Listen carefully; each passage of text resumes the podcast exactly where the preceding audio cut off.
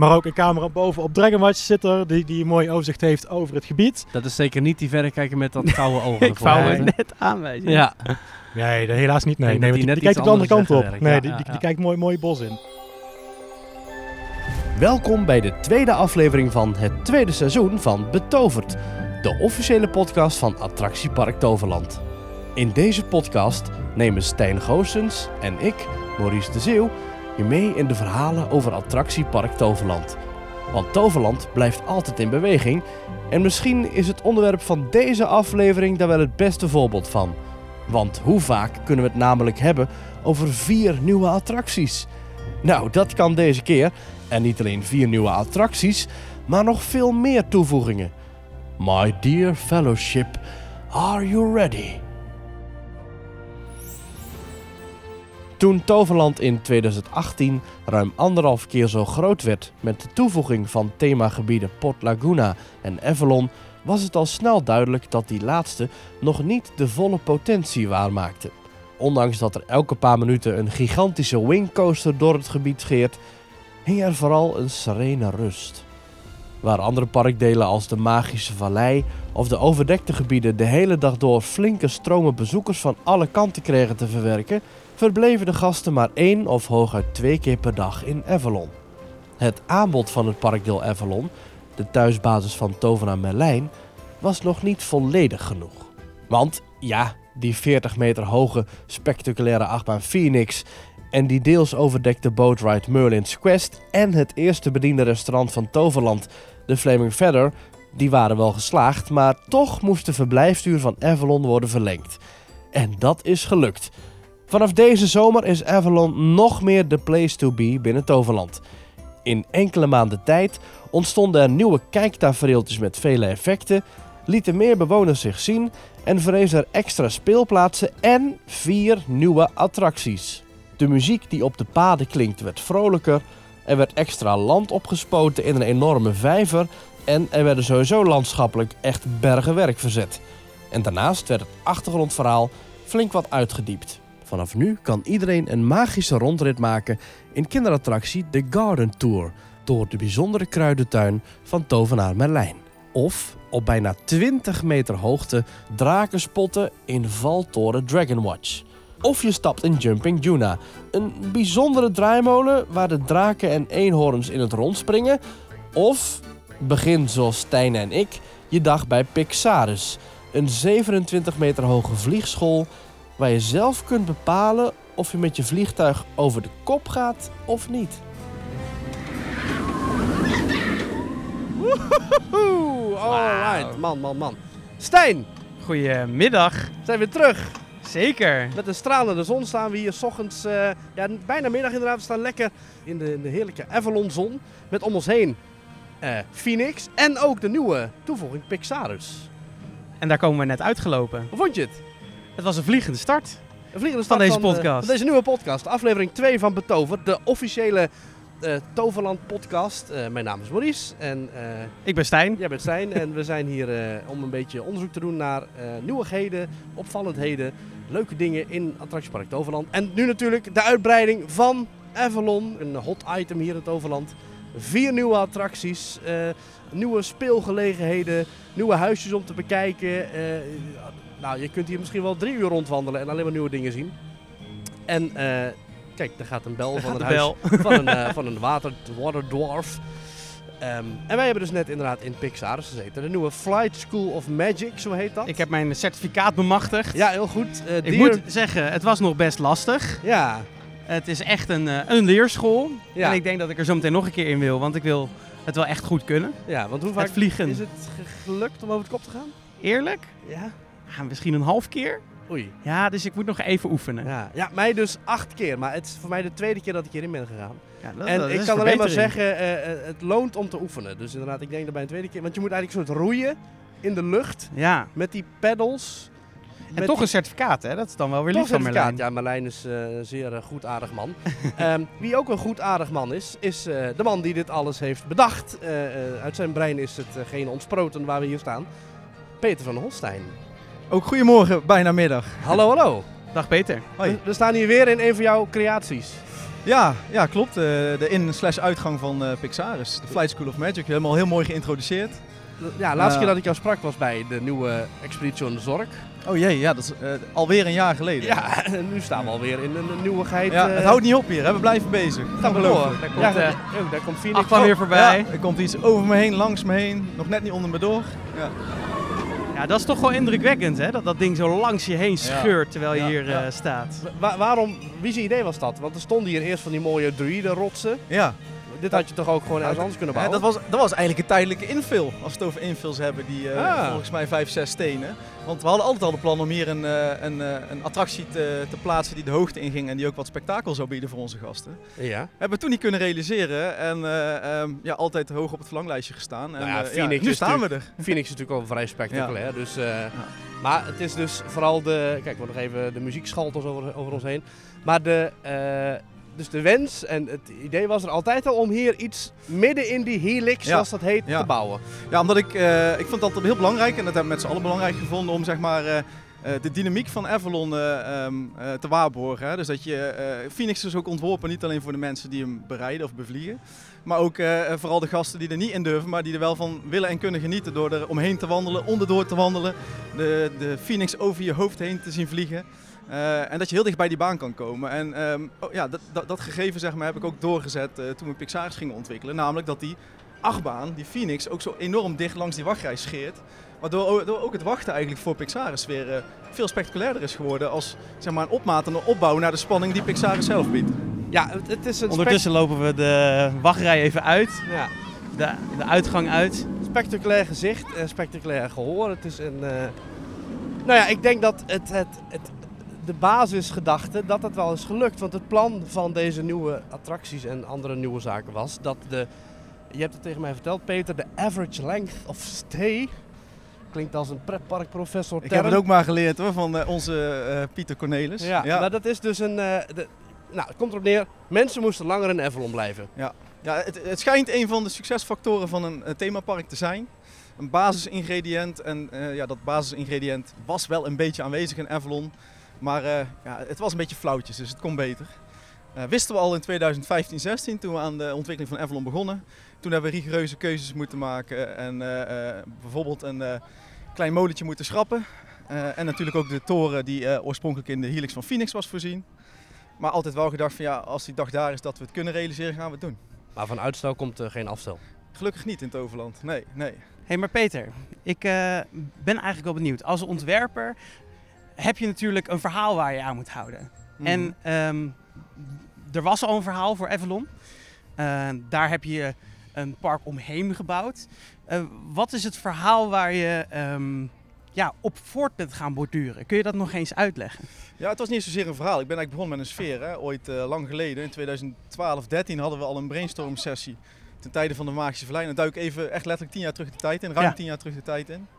Ehm, toen hebben we al nagedacht over wat na de Magische Vallei. En toen waren we nog volop met de Magische Vallei bezig. Toen was ik ook nog een jonkie, want ik was, eh, dat was mijn eerste jaar als ontwerper. En we hadden toen de tijd een brainstorm sessie. En toen is ook eigenlijk gezegd van ja, welke, hè, welke sferen gaan we hier nou opzoeken. Eh, Magische Vallei heeft een beetje ja, van die Polynesische, Caribische eh, momenten zeg maar, die je meepakt. En toen had ik wel zoiets van het volgende gebied, ehm, dat mag wel een heel ander themagebied worden, een heel andere sfeer. Eh, Ik en toen eh, zijn we uiteindelijk heel snel al de Keltische middeleeuwse kant op, opgegaan. Ja, Ehm, en ook gedacht van, eh, ehm, zeker. kijk we zijn Toverland, we moeten de naam Toverland blijven laden en waarmaken. En en toen ook ging op bij jou natuurlijk zetten. een belletje rinkelen. Toen ging er bij mij een belletje rinkelen. En toen hadden we al vrij snel zoiets van, oké, we hebben uh, Toast Toverhoed. We hebben nu een eh, oude Django die kan toveren in zijn torentje. Ja, die was toen net nieuw. Eh, en we, we, 2013 we hebben een, een, een echte serieuze tovenaar nodig die het nieuwe gebied eh, eh, kan dragen, als het ware. Eh, we hebben nog even nagedacht van, moeten we niet een eigen karakter ontwikkelen? Maar ja, dan moet je hem vanaf nul af aan opbouwen en ook laden. Eh, en die positie verkeerden we toen nog niet. Dus we hebben gedacht van, kunnen we Marlijn de Tovenaar, kunnen we die niet gebruiken zeg maar, als een ja, kapstok eigenlijk voor het nieuwe gebied? En dat wilde hij wel. Merlijn wilde die wel. Ja, ja, ja, ja, we hebben een, eh, een verzegeld document. salarisonderhandelingen. Ja, ja, ja, nou daar heb ik me niet mee bemoeid. Maar, eh, Salarisonderhandelingen ja, ieder geval. salarisonderhandeling, ja, met, met een mooie ijskoep eh, erbij. Nee, en goed, dat was eigenlijk het startpunt. Dus ik ben vooral vanuit de sfeer, eigenlijk vanuit ja, een oude Keltische middeleeuwse wereld zeg maar, vertrokken. En dan pas ga je de diepte in en ga je eens verzinnen van nou, wat, wat voor attracties gaan we daar plaatsen en op welke plek en, en welke zichtlijnen komen daarbij kijken.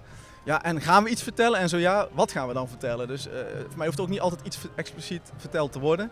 Maar ik vind het vaak veel belangrijker dat de sfeer klopt en dat het voelt alsof het er altijd geweest is. En dat je ook een soort van gelaagdheid in de geschiedenis aanbrengt. Dat je denkt van, hé, hey, we staan nu voor de Flaming verder. En toen ik dat ontwierp samen met Nicky en met Matthijs, eh, bouwkundig tekenaar en eh, toen de tijd mijn rechterhand, mijn tekenende rechterhand, gedacht van, nou dat middenstuk, joh, dat zou wel eens heel vroeg middeleeuws kunnen zijn. Een beetje zo'n soort grote plaggenhut met zo'n groen dak erbovenop. Ja, goed. En eeuwen later is dat gebouw, wat ooit begonnen is als een kleinere eh, herberg, de Fleming verder, is uitgegroeid tot hetgeen wat je nu ziet. Dus aan de rechterkant zie je al een beetje ja, bijna gotische invloeden met vakwerk. wat- Oh, dat is een soort uitbouw. Ja, dat is eigenlijk een uitbouw. Dus Ah. wat ik vaak probeer is een soort van geschiedenis te creëren. En binnen die geschiedenis en binnen die gelaagdheid, het is bijna een, een ui zeg maar, die je kunt afpellen tot, tot de kern, eh, ontstaan dan vanzelf wel verhaaltjes. Ja, nou we stonden net dus in de wachtrij voor, eh, voor de Pixaris. Ja. En dan krijg je ook een, verhaal mee over het feit dat je moet leren gaan vliegen. Eh, is dan, ontstaat eerst zo'n attractie of ah, ontstaat eerst dat verhaal dan?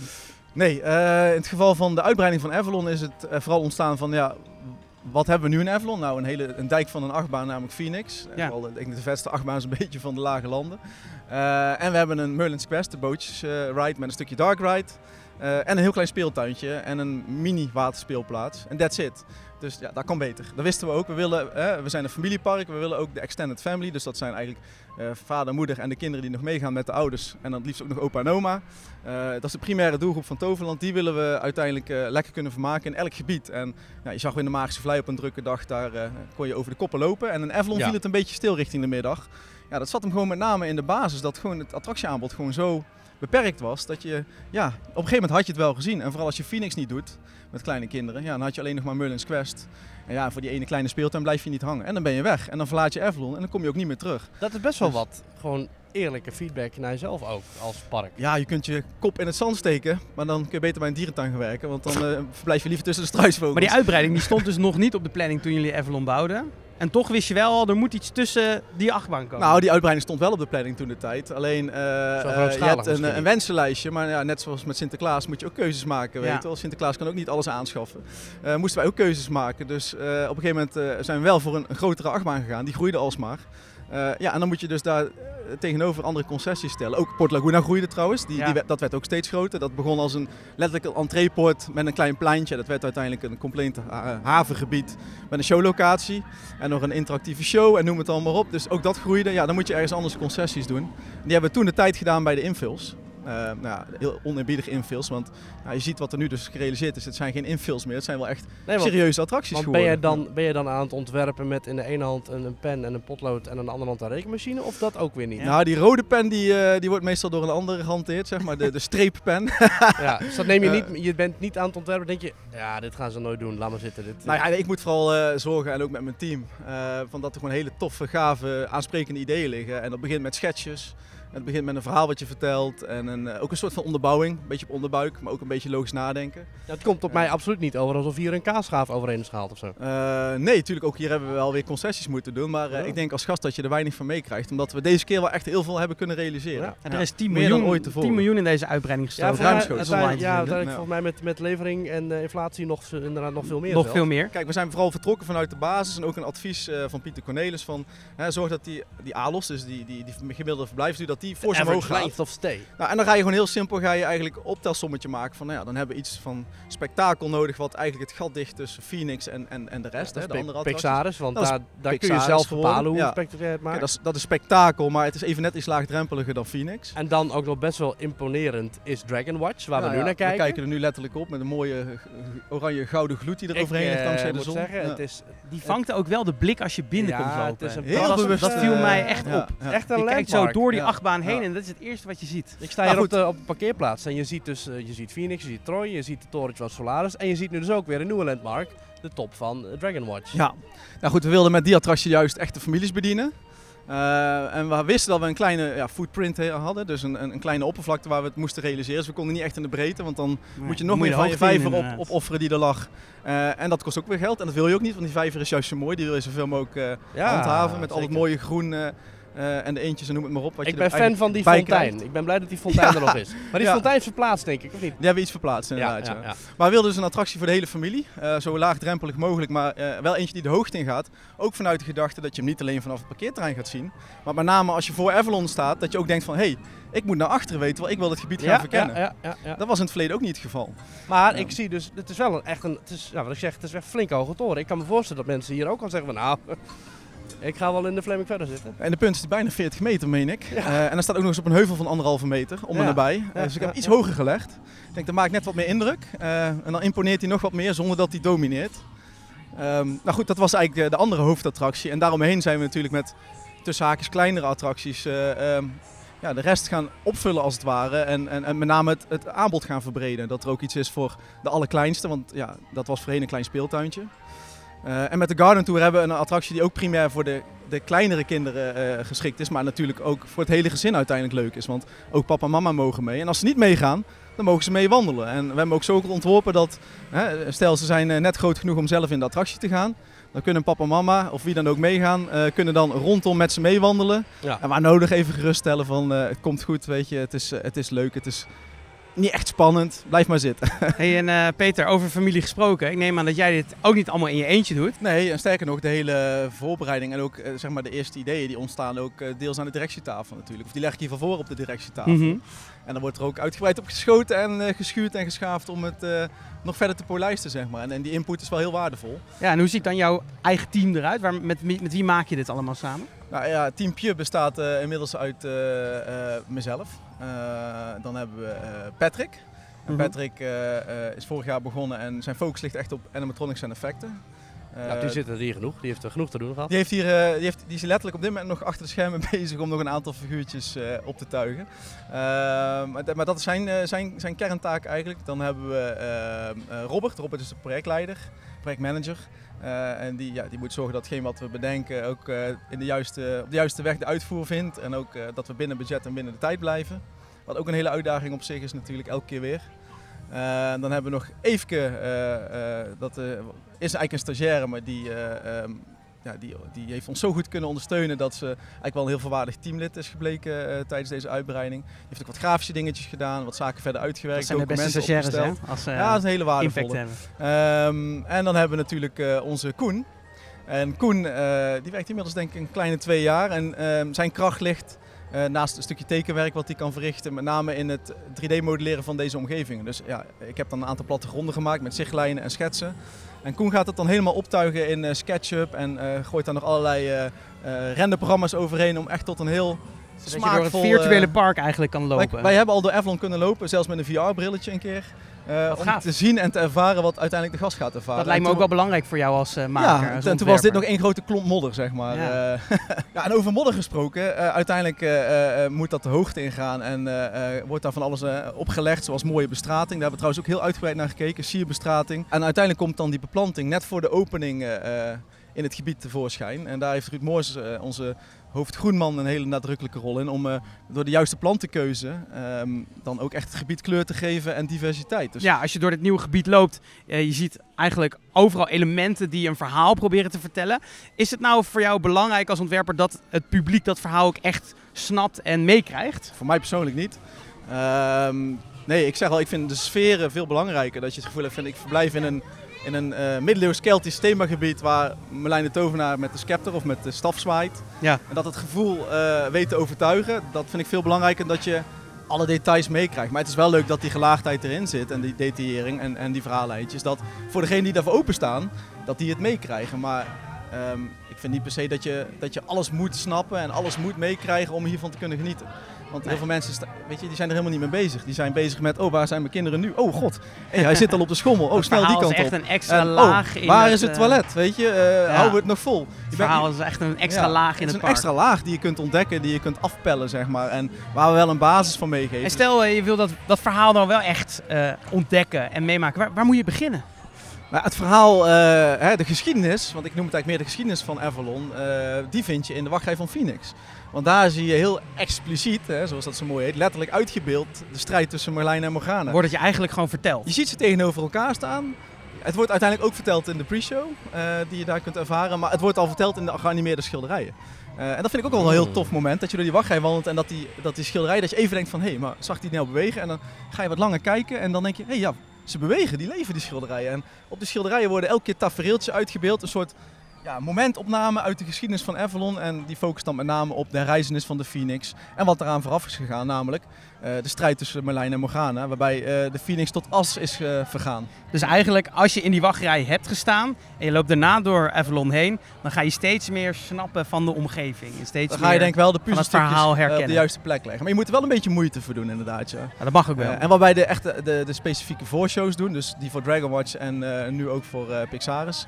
Daar vertellen we dan eh, wat, wat is het verhaal achter eh, deze attractie. Wat geen attractie is, maar iets, hè, een functie in het gebied, namelijk een, een uitkijktoren of een vliegschool. Want het is hier een dorp. En in dit dorp inderdaad wordt bijvoorbeeld ook uitgekeken naar draken. En dat wordt gedaan in Dragon Watch. Dat wordt gedaan in Dragon Watch. Ja. En Merlijn heeft hier dus een, zijn kruidentuin waar je dus doorheen kan rijden. Jumping Juna, want dat is, Juna is, het, is een nieuw figuur, net als Sparky en Spicy Pete. Ja. Eh, dat zijn draken en Juna, Juna is een eenhoorn. Ehm, die heeft een soort verkleedfeestje, was geloof ik het verhaal. Krijg je dat dan ook als, als opdracht mee? Of hoe gaat dat dan? eh? Nee, nou ja, de eerste plannen voor eh, eh, dezelfde molen als je hem nu hier ziet, eentje van Samperla, die eh, lagen in 2015, 16 al op de tekentafel. Een hele ruwe schets heb ik toen gemaakt van ja, paardjes met een lans en een soort ridderoutfit, zeg maar, die elkaar achterna zitten. En op de middenkolom had ik toen nog een houtsnijwerk Morgana getekend. Alleen die paardjes die kregen op een gegeven moment de vorm van, ehm, ja dat was wel heel grappig, maar dat waren tonnetjes en bezems en allerlei voorwerpen uit de Flaming Feather die Merlijn eigenlijk letterlijk aan elkaar had getoverd. En die vormden dan in het silhouet een soort eenhoorn. Dat was eigenlijk het, het startpunt van eh, de verdere uitwerking van die molen. Ehm, eh, alleen daar hebben we toen eh, eh, bij, de, bij de leverancier ook wel prijzen opgevraagd. En die, nou, die, die schoten nogal uit de bocht, laat ik het daarop houden. Dus Mm. toen moest ik terug naar de tekentafel. En toen heb ik het idee van de kikkers, wat eigenlijk het standaardproduct van Zampella is, eh, gepakt. En gedacht, van als ik nou, die kikkers zijn een soort grote padden zeg maar, die door Merlijn zijn opgeblazen tot dat formaat. Als ik ze nou een helmpje meegeef en de volgende maak ik jonkvrouw van. En zet ik een, een soort mutsje op. en een soort sjerp onder, onder, onder de kin door. Dan, dan kunnen we een standaard figuurtje eigenlijk kunnen we dan eh, toch des Toverlands en des. Avalons maken. Ja.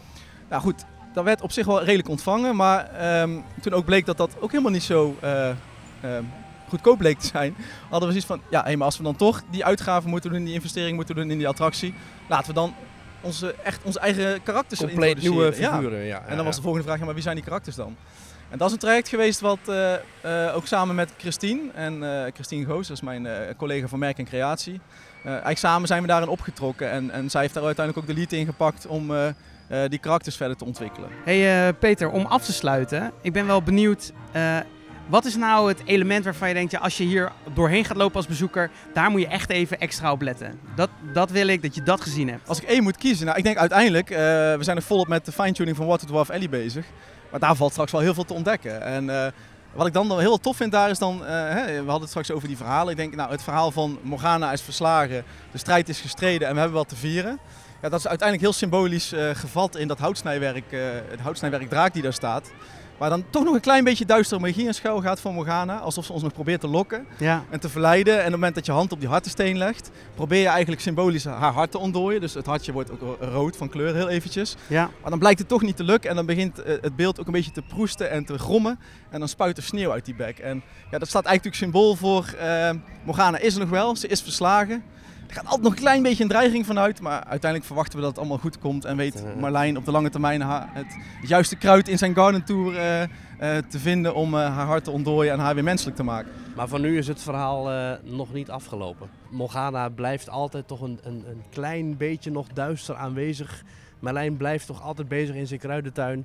Het is een open eind. Het, gaat, het verhaal gaat nog steeds verder. Ja, ja, je wil niet dat Marlijn eh, nu met pensioen kan. Hè? Dus eh, hij, hij heeft nog een, een laatste quest, een laatste missie te volbrengen. En die missie is om Morgana weer eh, menselijk te maken. En tot die tijd is hij daar nog steeds heel druk mee bezig.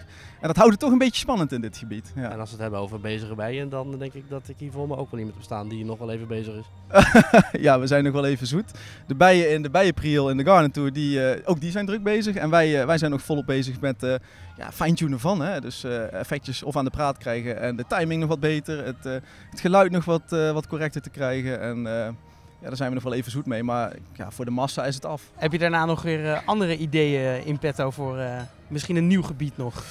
Ja, zeker ook gebieden en ook opwaardering van bestaande gebieden. Maar ja, de tijd zal leren welk gebied of welke uitbreiding dat gaat worden. Dat, daar gaan we ook pas aan beginnen. Ja, Ik zie eh, achter die zonnebril toch al wel twinkeling. Twinkeling. Ja, ja, ja, ja, ja, Ja, ja, ja, We sluiten af ja. met een cliffhanger, dat is mooi. Een Ja. cliffhanger. Nou, Ja. ontzettend bedankt voor deze eh, toelichting. ja, geen dank. En eh, het is weer allemaal een stukje duidelijker geworden. Ja, nou dankjewel. Tot de volgende uitbreiding en daarmee ook de volgende podcast, denk ik. eh.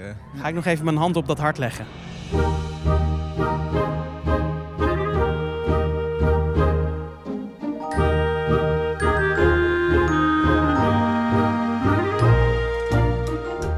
Zo Stijn, eh, we zijn weer met z'n tweeën.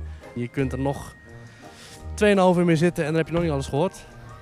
Ja, dat hebben ze eigenlijk allemaal. En je wil er ook Ja. naar blijven luisteren, want ze vertellen ook gewoon interessante dingen. Die, Ja. die in, in mijn geval ik gewoon vaak nog niet weet. Ja, ik ook niet hoor. Het is eh, leuke, nieuwe, interessante informatie. Ehm, daar gaan we mee door in deze podcast, want daarvoor luister je natuurlijk naar Betoverd. Een steenworp van ons af zijn eh, allemaal dreumessen aan het spelen in de nieuwe Dreumes speeltuin Little Dragons. Eh, schattig toch hè? Eh, misschien iets te, iets te klein voor ons. Voor ieder wat wils, laten we het zo zeggen. Ja, dat is misschien wel waar. Ja. Voor ieder wat wils. Hè. Dus we hebben de, de twee grotere attracties, Pixaris en Dragon Watch. En dan hebben we nog de kleinere attracties, eh, Jumping Juna en de Garden Tour. Daar wilde jij geloof ik nog in. Hè, zo Daar wil ik zo nog wel even in, ja. Dat lijkt me, dat lijkt me toch wel de moeite waard om nog eventjes te bekijken. Nou, misschien hebben we na afloop van deze aflevering nog even tijd om samen in de Garden Tour te gaan. Deal.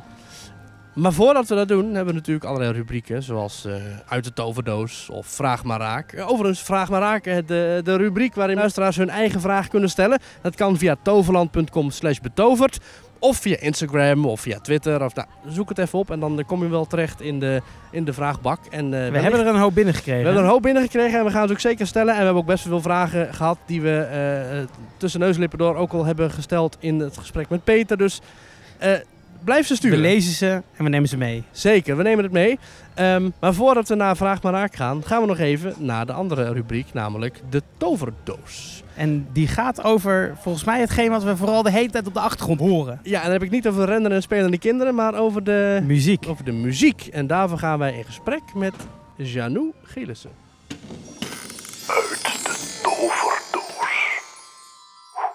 Oh, uit de toverdoos. Misschien wel mijn favoriete onderdeel, eh, Stijn. Ja? Ik vind het allemaal leuk. Ja, dat is waar. Het is allemaal. Misschien moeten we deze keer zeggen uit de muziekdoos.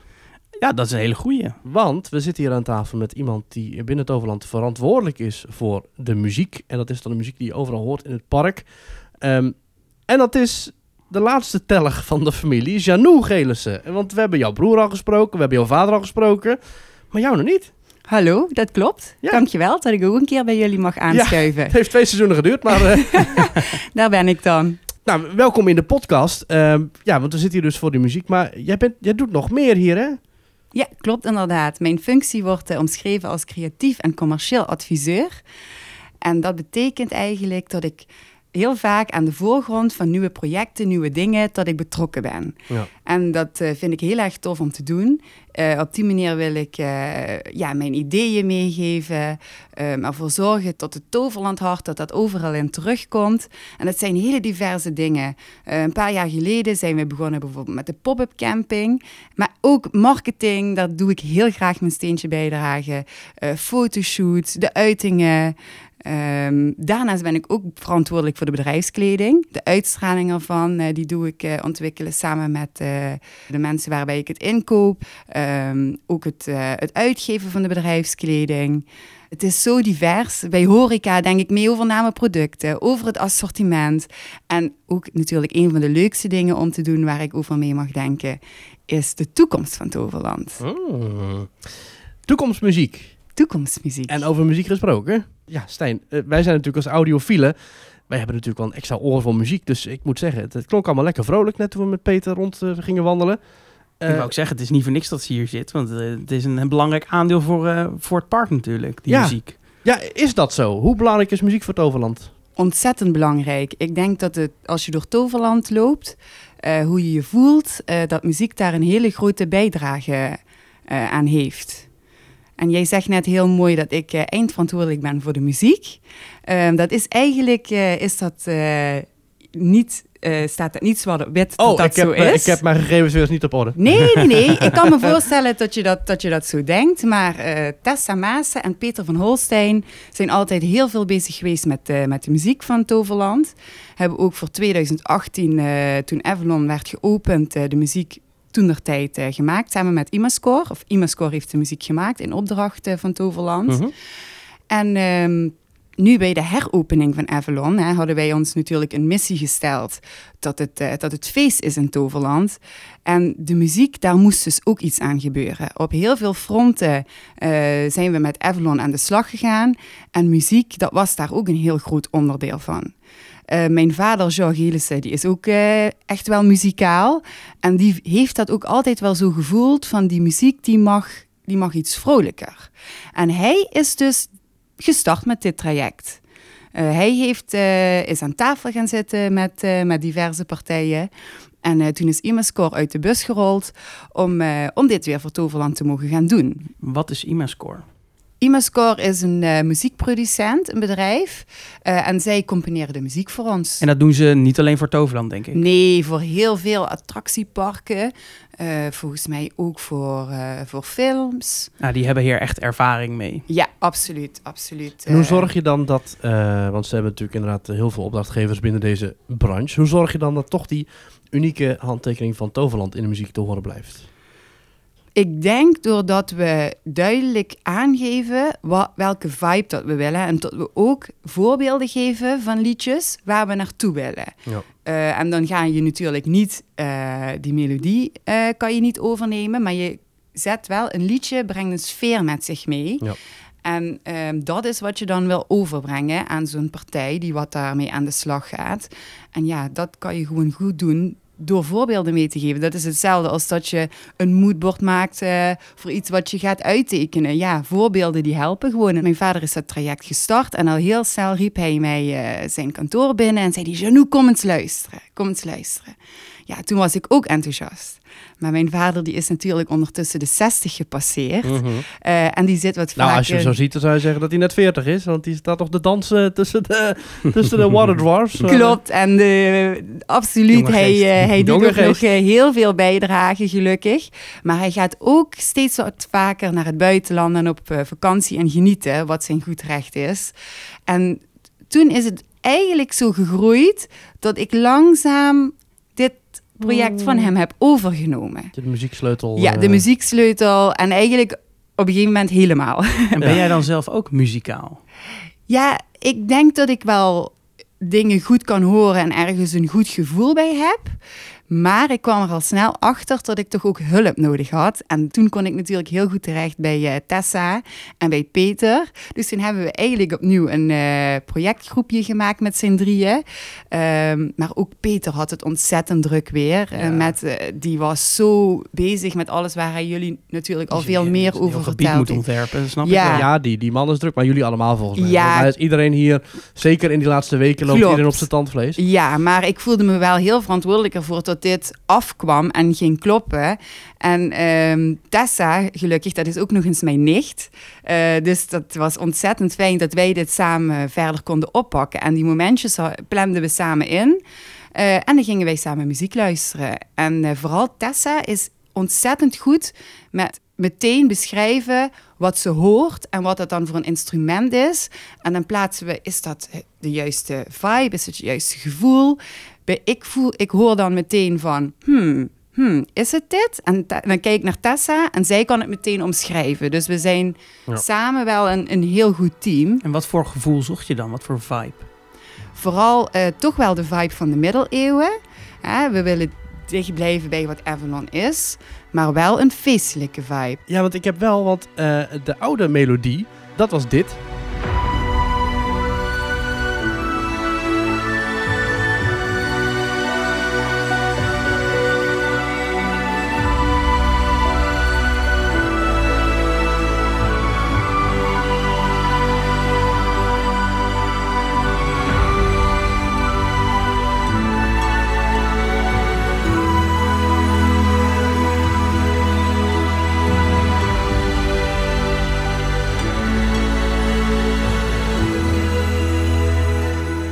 En dit is de nieuwe melodie.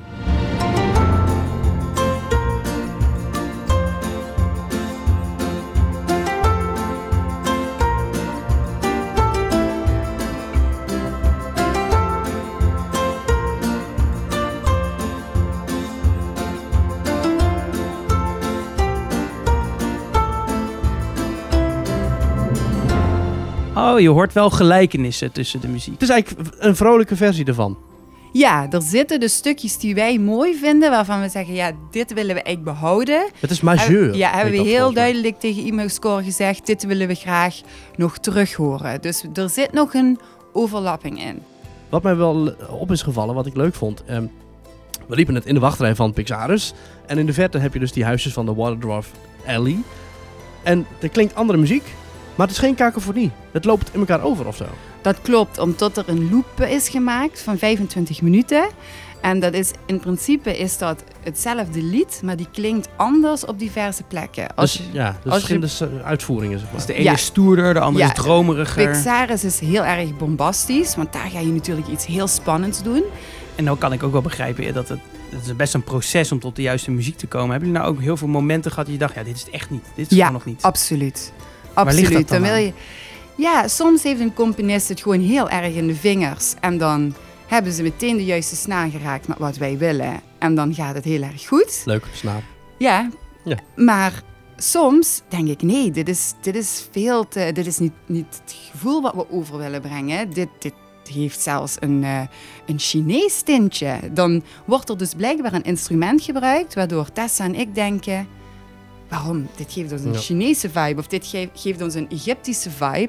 En het zijn juist bepaalde instrumenten die gebruikt worden in de middeleeuwen, waardoor je naar die vibe van Avalon gaat. Of de tinkeltjes eh, en andere magische klankjes, hè, die wat je weer linkt aan magie, waardoor het ook bij Avalon past. Dus Moet je dan een andere componist vinden? Of kan je met de juiste feedback ook wel zo iemand zo bewegen dat het toegaat naar wat je wil?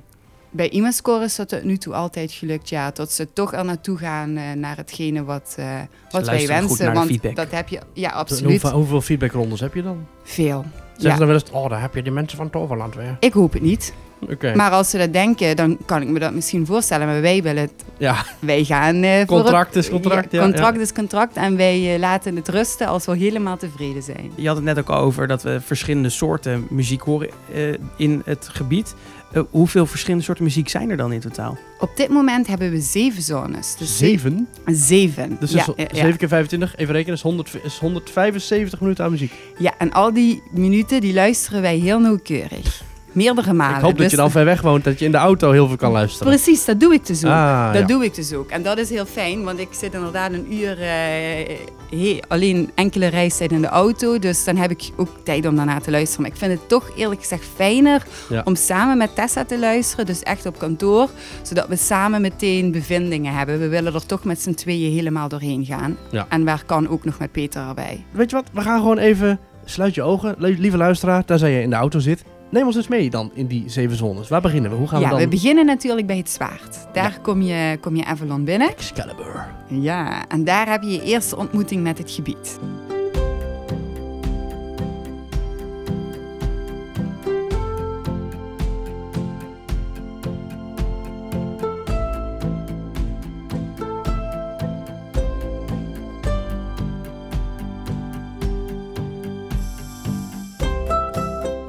Daar mocht het nog iets rustiger zijn, de Mhm. muziek. Ja. Iets ontmoetender, zoiets ehm, iets mysterieuzer nog. Mhm. Ehm, en later merk je dat die steeds meer op gang gaat komen. Dus we lopen hier nu inderdaad, ik, we horen de muziek nu ook, en we lopen, oké. Ja. En dan gaan we, nou we lopen naar rechts, want ik we wil lopen naar naar Merlin's rechts Quest. en dan kom je bij Merlin's Quest. Ja. Daar heb je ook een eigen variant, want daar ga je op een queste. Die is ook nog iets mysterieuzer. Ja. Ehm, dus daar ga je die tocht maken. Die heeft ook een eigen sound.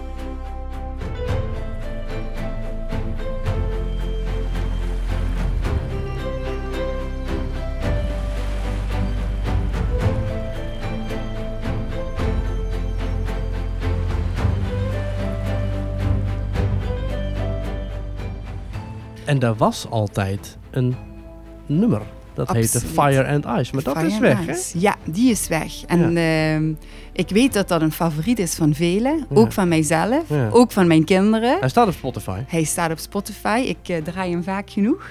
En ik denk ook persoonlijk dat het, eh, ja, de keuze is gemaakt. Ja. Eh, daar sta ik ook achter, want we kunnen niet dat ene lied houden. Dat past niet meer bij... Nee, eh, daar is ten prooi gevallen aan dat, dat precies. systeem met die, zeven die missie wat en precies en is die missie wat is gesteld.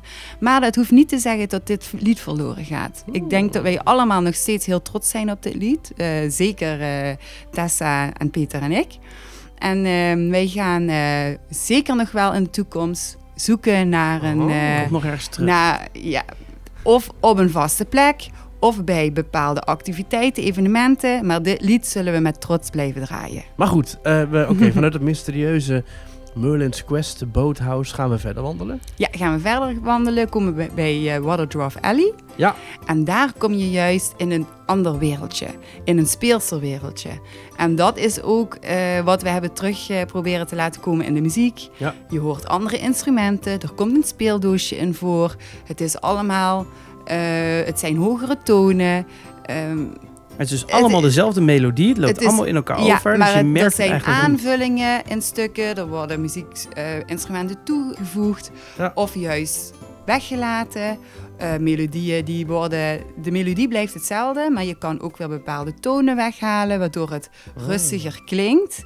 Maar het blijft in het hele Avalon, Ja. blijft het in één lijn lopen. Dus als het een beetje waait en de wind staat vanaf een bepaalde hoek, dat het geen kakofonie van 36 nummers- Precies, Ja, ja, ja. precies. Maar vooral bij Wadderdorf Alley hebben we dat speelse in de muziek naar voren willen laten komen. Onbezoldigd leven. Ja.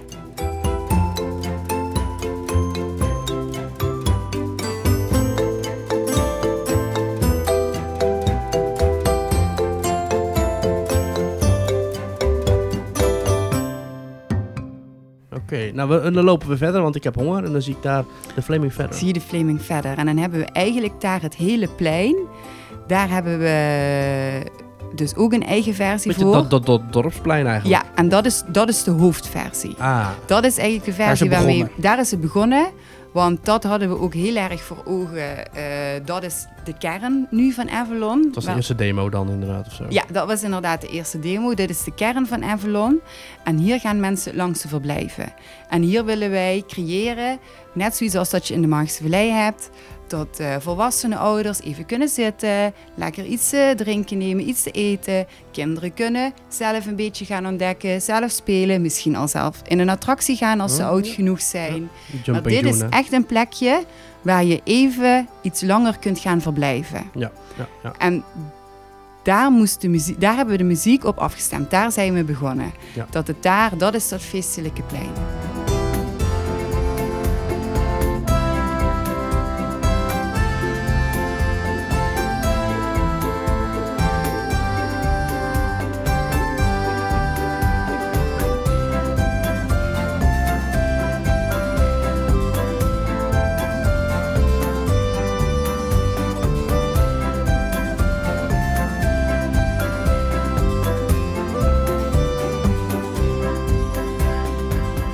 De vierde zone als ik het goed heb. Nog Ja. drie te gaan. Nog drie te gaan. Ja. Ehm, die zone die hoor je van binnen in de Flaming Feather tot op het plein, tot bij Dragon Watch. Mhm. Mhm. Ja, dat is dus één groot, eh, één groot stuk waar je die muziek hoort. Maar de muziek is weer aangepast voor de Garden Tour. Daar is dus weer een nieuwe zone. Mhm. Oké. Ja, en de Garden Tour, daarmee ga je natuurlijk door de magische kruidentuin van Merlijn. Ja. Daar willen we die typische dingetjes die je tegenkomt in een, in een tuin. Hè, daar hoor je eens een keer een krekel. Ja.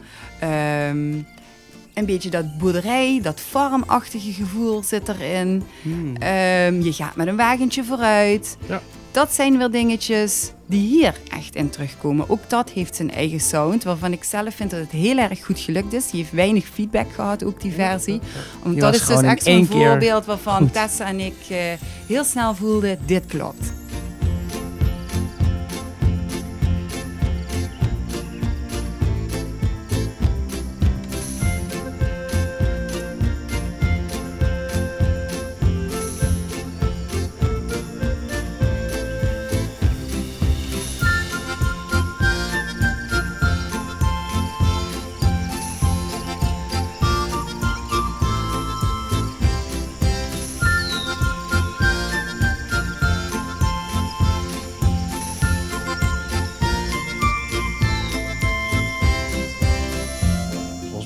Net bij Jumping Juna een versie gehoord met allemaal poing, poing, poing erin. Klopt, klopt. Ah, Ja. Is dat de zesde? Ja, dat is de volgende zone. Ja.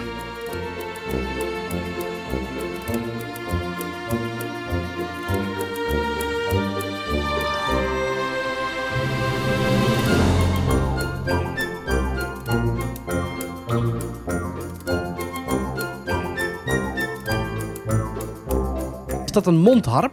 Ja, dat klopt inderdaad. Dat is een mondharp.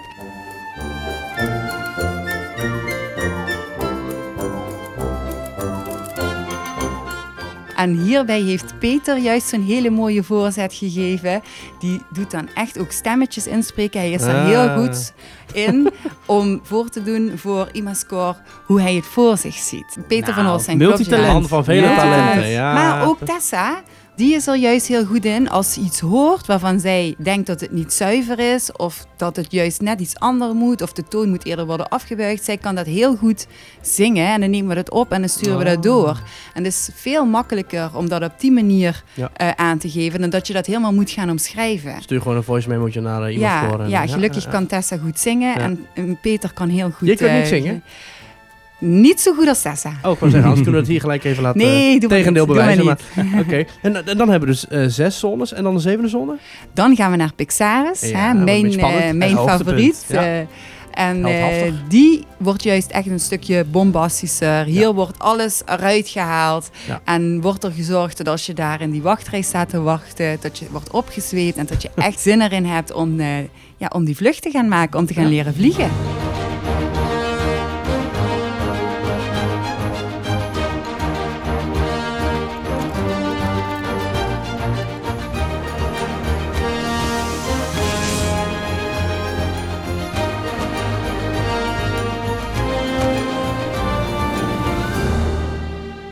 En dan heeft elke attractie met pre-shows, zoals Dragon Watch of uh, Pixaris, hebben nog voorshows met, met, met schermen bijvoorbeeld. Met schilderijen natuurlijk, moet ik zeggen. Ja, Daar zit dan ook nog muziek Daar bij. zit ook nog muziek bij en alle losse special geluiden die je hoort. Ja. Van bijvoorbeeld bepaalde dieren of een bepaalde vekje Ja. of een beweging. Daar hoort allemaal eh, muziek bij. Maar dat heeft eh, Peter van Holstein op zich genomen, dat hele stukje.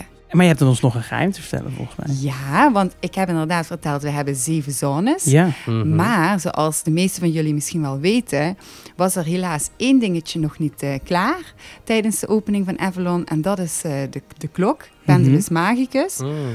Die gaan we op een later moment gaan we die nog, eh, gaan we die nog toevoegen aan Avalon. En daar zijn we ook nog mee bezig. Het wordt echt een showtje, een op zichzelf staand showtje. Dus daar wordt aparte muziek voor gemaakt. Ja. Dus daar zit je nu middenin. Daar gaan we nu mee starten. Want Oh. ik moet eerlijk zeggen, we hebben eh, tot het laatste moment daaraan gewerkt om de muziek te fine-tunen. Eh, en ook toen ik doorhad van die klok die gaat iets later komen, hebben we ook gezegd, die zetten we even op pauze. We gaan eerst nu die zeven zones zorgen dat die kloppen. En nu gaan we dus verder met de muziek voor de Toverklokshow. Over klokken gesproken, wij zijn weer een heel stuk wijzer geworden. Ik eh, vond het fascinerend. Dankjewel Janou voor je toelichting. En eh, ja, misschien wel tot weer een volgende keer, want je hebt nog 32 andere zijtakken die jij ja, overziet. ik, ik heb genoeg eh, te vertellen aan Ja. jullie. Super, dankjewel. Bedankt voor de uitnodiging. Die muziek blijft hangen, hè? Ja, dat is wel een soort oorworm. Ik, ik zie jou verlekkerd kijken naar de hoek van de Garden Tour. Ja, eh, blijf me toch intrigeren. En ik ben benieuwd naar hoe die muziekbeleving dan is. Want daar heeft Janou het allemaal over verteld. Ja, Dus zullen we daar zo dan naar ingaan? Nee, nee, ik wil eerst eventjes wat eten, want we zijn de hele dag al bezig. En ik wil eerst even, Ja, ik zie daar ook in de verte zie ik de smoldering roast. En ik zie daar braadworsten en friet, dus ik, ja... En gaan we daar daarna een attractie in? Nou, nee, da- daarna ook gaan we nog eerst weer gesprek met iemand die heel veel weet over de attracties. En dan gaan we daarna misschien, als je lief bent, nog even in de Garden Tour. Oké, vooruit.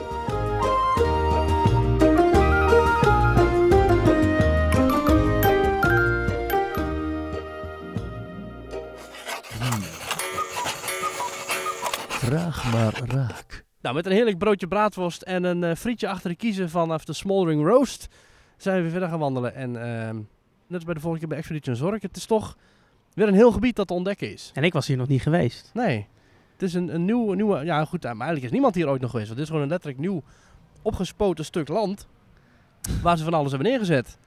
En eh, We hebben Water Dwarf Alley besproken. We hebben de thema's besproken met, eh, met Peter. We hebben de muziek besproken met Janou.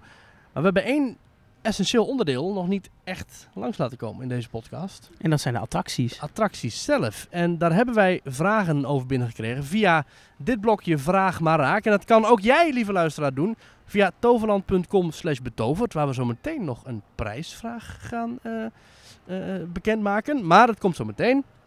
Eerst. Via, eh, via die website en via socials kun je ons vragen opsturen.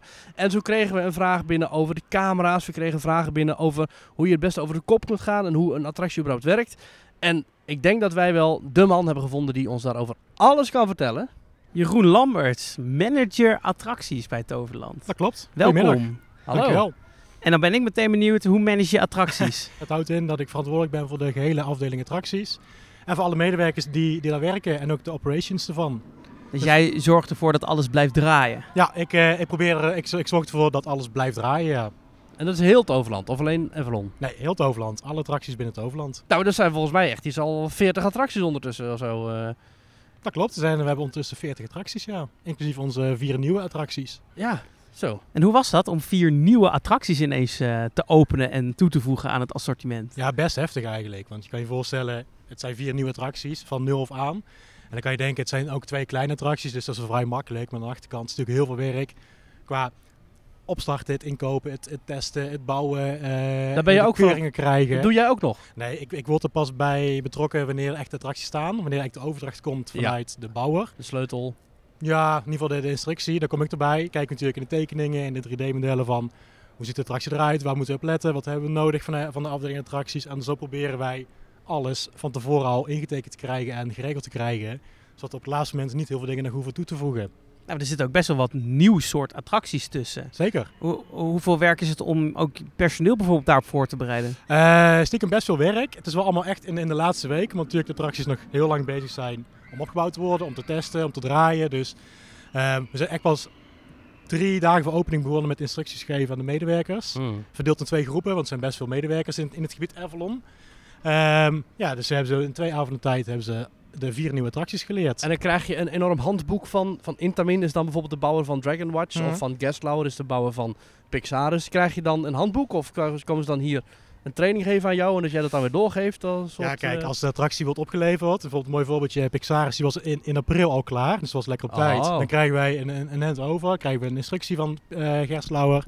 Ja. Gaan ze ons alles vertellen over het controleren, het draaien, het opstarten, over de attractie zelf. Eh, die tekenen we dan, dan af bij hun, zodat wij het hebben begrepen. Ja. Dan krijgen we heel veel handleidingen, echt meerdere ordners vol met instructies, Ja. eh, beschrijvingen. En op basis daarvan maak ik dan een handleiding intern voor het overland. Van de attractiemedewerkers.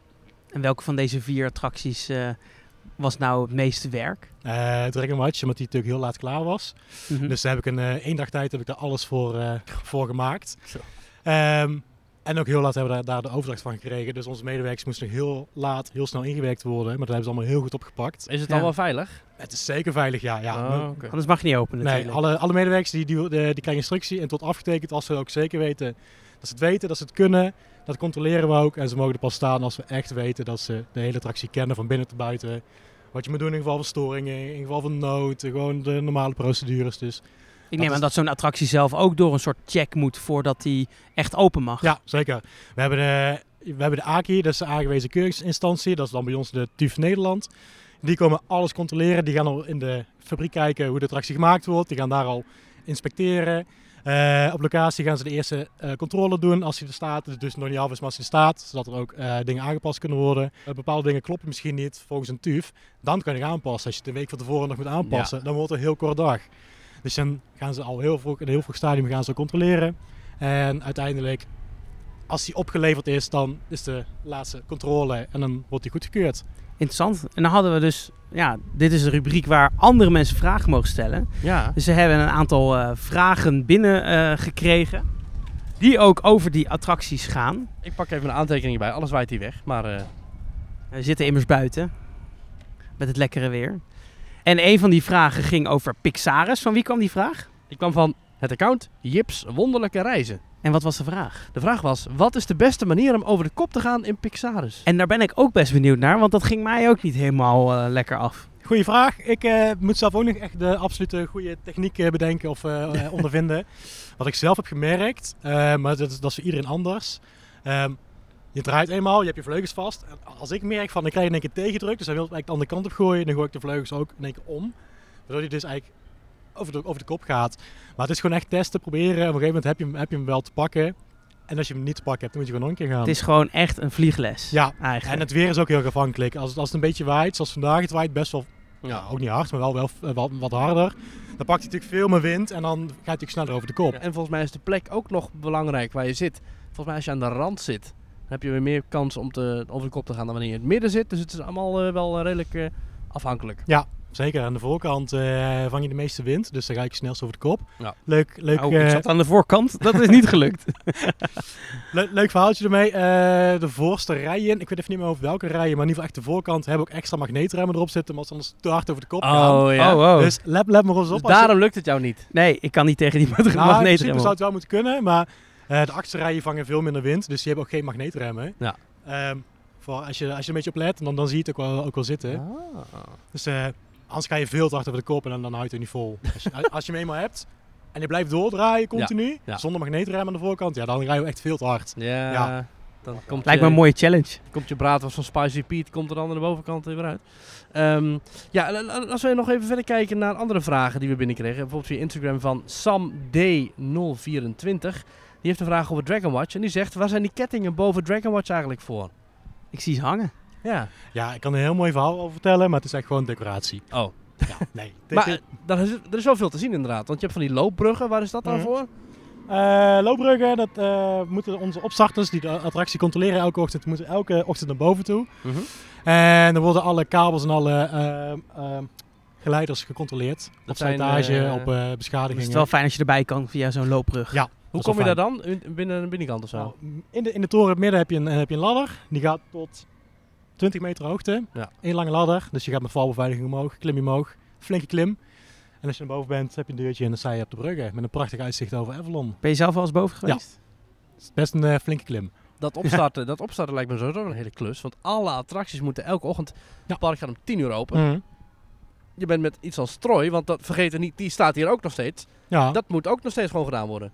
De, hoe laat beginnen jullie met allemaal opstarten en zo? Eh, de vroegste begint even buiten de zomer. De zomer hebben we iets andere tijden. Maar echt gewoon op een normale dag beginnen wij. De vroegste begint om 7 uur. Dus ook hier in Avalon. Ja. Eh, twee personen starten om 7 uur met Phoenix. Die gaan heel Phoenix controleren en alle treinen. Ja. En twee personen beginnen aan de vier nieuwe attracties plus Merlin's Quest. Ja.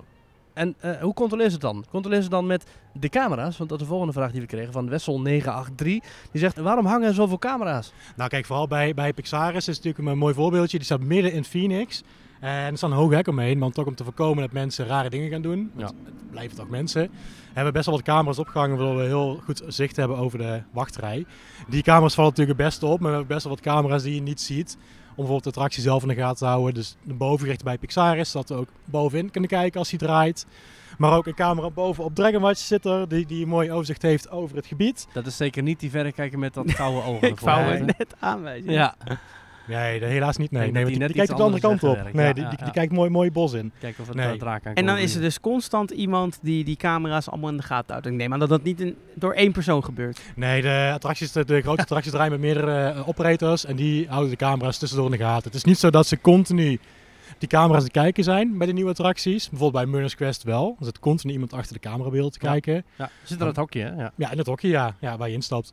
En maar bij een Pixar is mijn Dragon Watch, dus de hoofdoperator, die controleert de camera's tussendoor. Dus Ja. het is niet dat er continu iemand op kijkt, terwijl Nee.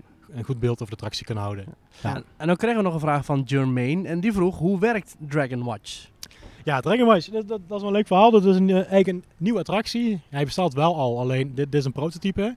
Want bijvoorbeeld die in eh, andere parken staan, Ja. die gaan op hydro- hydrauliek. En dit is de eerste parachute tower van Intamin die echt op eh, elektrische motoren gaat. Even kijken, hydrauliek, dat is met olie? Ja, dus met oliedruk. Oké. Ja, precies. En dit is dan met, wat zeg je, elektrisch? Elektrisch, met elektromotoren. en waarom is dat dan? Omdat het dan, dat is beter of zo? Ehm ja, Goeie vraag. Of goeie vraag. Ja. Ja, nee. Eh, omdat dit minder ruimte kost. Oh, anders heb je helemaal van zo'n pomp Aha. nodig of zo. Ja, ja, die dan ja, weer ja. naast de attractie moet, moet komen staan. Dus, die, dus die, op, die olie, die wordt nooit meer verkocht, want dit is een nieuw type. Eh, geen idee, misschien wel. Maar Ja. uh, het heeft gevraagd om een, eh, Ja. om deze versie. Ja. En eh, wij zaten net in de Dragon Watch, Mhm. toen keek ik over het dak uit. Ik zie allemaal Ja. zonnepanelen liggen. Is dat eh, ook waar de energie vandaan komt? ja, eh, de panelen die bij ons op het dak liggen, die gebruiken we ook voor de attracties. Ja. Kijk, Zoals het zoals vandaag een dus mooie het is ook nog een soort is. van duurzame attractie op een dag als deze. Zeker. Om eh, af te sluiten, Jeroen. Ik ben nog wel benieuwd. Je bent natuurlijk manager van alle attracties hier. Mhm. Maar je hebt vast een favoriet. Wat is je favoriete attractie? Ze kiezen tussen je kinderen eigenlijk, hè? Ja, maar, maar, maar dan wel 40 kinderen. Ja, precies. Nee. nee, mijn favoriete attractie blijft ook wel Phoenix. Daar heb ik al het meeste mee. Omdat ik, er- ook omdat ik er zelf nog als operator heb gestaan. Eh, vijf jaar geleden. Daar is het voor jou begonnen eigenlijk. Nou, begon het niet. Dat is langer geleden. Oh. Maar eh, daar heb ik al heel, heel veel mee. Dus Phoenix blijft wel een beetje mijn, eh, mijn eh, favoriet. Ja. Maar ik moet zeggen, Pixaris komt ook al redelijk in de buurt. Kijk. Hmm. Nou, misschien wel leuk, want eh, over Phoenix gesproken. eh, bij de top van Phoenix, daar staat een speciale windmeter. En die wordt om de zoveel jaar vervangen. En nu is er dus een windmeter over. En ik geloof dat eh, vanuit de barmhartigheid van jouw afdeling, Jeroen, is die windmeter aan ons geschonken om weg te geven in de podcast. Ja. En dat is natuurlijk best een bijzonder voorwerp. Ik wil hem eigenlijk ook wel hebben, maar dat mag niet. Want het is jarenlang het hoogste punt van Toverland geweest. Dat klopt. Dus eh, het zit echt bovenaan de lift op het hoogste punt van Toverland. Wat, wat doet zo'n windmeter eigenlijk? Nee, Phoenix heeft een eigen weerstation in het systeem zitten. Eh, die houdt de temperatuur in de, in, het- in de gaten. Dus als het te koud wordt, kan je hem niet starten. Oh. Eh, maar ook als het hard waait, dus als het echt stormt, dan, eh, dan geeft hij het ook aan. Want boven de 15 meter per seconde mogen de achtbanen niet rijden. En Phoenix is ook niet. Wa- wa- waarom, waarom mogen die niet rijden dan? Verwaaien ze Eh, dan terug of zo? Of Nou kijk, vooral bij Phoenix is een hele grote, brede trein. Die vangt heel veel wind. Dus Ja. stel je voor, met volle bak wind, een storm, v- vol aan de voorkant van de trein. Ja, dan komt hij de baan ook niet meer rond. Ja, ja. Dus Dus daarom dat- is allemaal beveiligd. Dus dat windvaantje had echt een hele belangrijke rol. Zeker. Ja. En die kunnen de luisteraars van eh, deze podcast winnen. Hoe kunnen ze dat winnen, Stijn? Eh, Door de prijsvraag goed te beantwoorden. Oh, En wat is die prijsvraag? de prijsvraag is, als je goed hebt geluisterd, hebben wij ergens in deze aflevering verteld hoeveel zones van de muziek er zijn in Avalon. Hoeveel zones van muziek zijn er te horen Ja. binnen Avalon? Ja, stu- stuur dat antwoord op eh, via toverland.com slash betoverd of via de Instagram en andere social media kanalen. eh, dezelfde kanalen waarop je ook je vraag kunt stellen voor deze rubriek Vraag maar Raak. En wie weet ben jij dan straks de gelukkige eigenaar van het hoogste punt van Toverland. En ook de enige eigenaar, want het is er maar één. Ja. Die moet je dan wel op je eigen dak monteren, denk ik. Of in je kamer. Dat kan ook, ja. Dat kan ook. Heel erg bedankt eh, Jeroen eh, dat jij eh, alle vragen wilde beantwoorden. Ja, Graag gedaan. ik merk dat ik nog honderdduizend vragen voor je heb, maar weet je, de podcasttijd is beperkt. Ik denk dat we je zeker nog wel een keer terug horen in deze podcast. Hartstikke leuk. En eh, voor nu, eh, ja, ik ga die eh, Phoenix dan maar eventjes eh, betreden. Jeroen, super bedankt voor je heldere antwoorden en misschien wel tot een volgende keer. Dankjewel. Tot de volgende keer. Nou Stijn, je droom is uitgekomen. En ook wel een klein beetje mijn wens, want we gaan in de Garden Tour. Yay! Ja, het was, eh, het was een leerzame aflevering, maar dat sluiten we af met een beetje ontspanning. Ja, een klein beetje ontspannen. En een tour door de tuin van Merlijn. Ja, de magische kruidentuin. Nou, de rij valt mee en we vertrekken hier en we komen... Oh, we zien hier al Juna staan. Ja... De Nou. magie eh, begint. Ja, ik zie een mega eenhoorn. Wat ik dan wel leuk vind, is dat dus als je hier niet in wil of kan of durft... Ah, er fladdert hier een vlinder langs. Dan kun je dus eh, eh, meelopen als ouder. En dan kun je dus toekijken hoe je kinderen hier plezier hebben. Gelukkig wel. Ja, vogelbadje zien we. Het is vast Appelbomen. Ik kan gewoon bij de appels, joh. Lekker. Als- zijn die, zouden die al rijp zijn? Weet ik niet, ze zijn wel echt. Nou, lekker, lekker, lekker, lekker. Even kijken, we gaan hier langs allemaal paddenstoelen tegen, tegen ons Ja, praten. die zeggen gewoon hallo. Hallo, hallo. Geweldig. Alsof je er helemaal bij hoort. Ja. En vervolgens komen we bij de bijtjes die honing maken. Ja. Ah, Met de bijenkoningin. Dat is schattig. Het verhaal gaat dus dat ze hier dus in een soort regenton met, eh, met toverdrank zijn gevallen, waardoor ze zo groot zijn.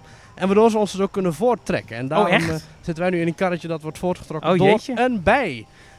Wat leuk, wat interessant. Ja, En ik dacht dus dat dit Merlijn was, maar dit is gewoon een vogelverschrikker. Een vogelschrikker, die is een, eh, een jas van In de mij. vorm van een eh, tovenaar. Ja. We gaan nu onder het bloemenperkje door. ja, fonteintjes. Nou, dit vind ik kleurrijk. Dit vind ik leuk. Het is een, een, een, een lieflijk tafereel. Fonteintjes erbij, inderdaad. Dit was wel gek, want eigenlijk wist het Overland dit dus nog wel. Gewoon een rustig rondritje buiten. Nou, dat hebben ze nu. Ja, je hebt wel die boten nog natuurlijk. In het water. Ja, Merlin's Quest. Maar ja, dat is geen rondritje natuurlijk. Is dat nou een, eh, een kikker of wat is het? Het toverkikker of zo? Hmm.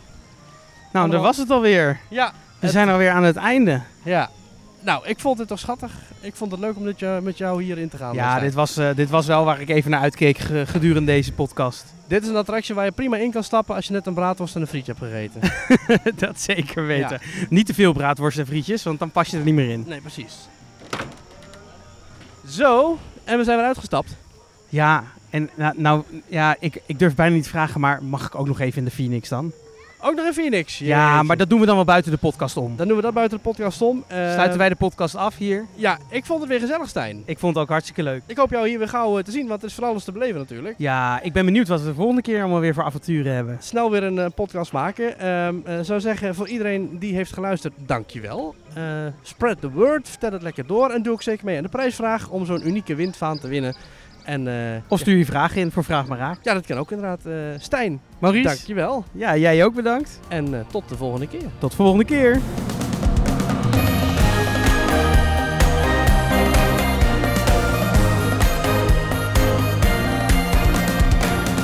En tot zover deze tweede aflevering van het tweede seizoen van Betoverd. Wil je alle toevoegingen aan Avalon zelf beleven? Dat kan vanaf nu in Attractiepark Toverland. En tot en met 27 augustus, tijdens Summer Feelings, zelfs tot 9 uur 's avonds. Bedankt voor het luisteren en tot de volgende keer.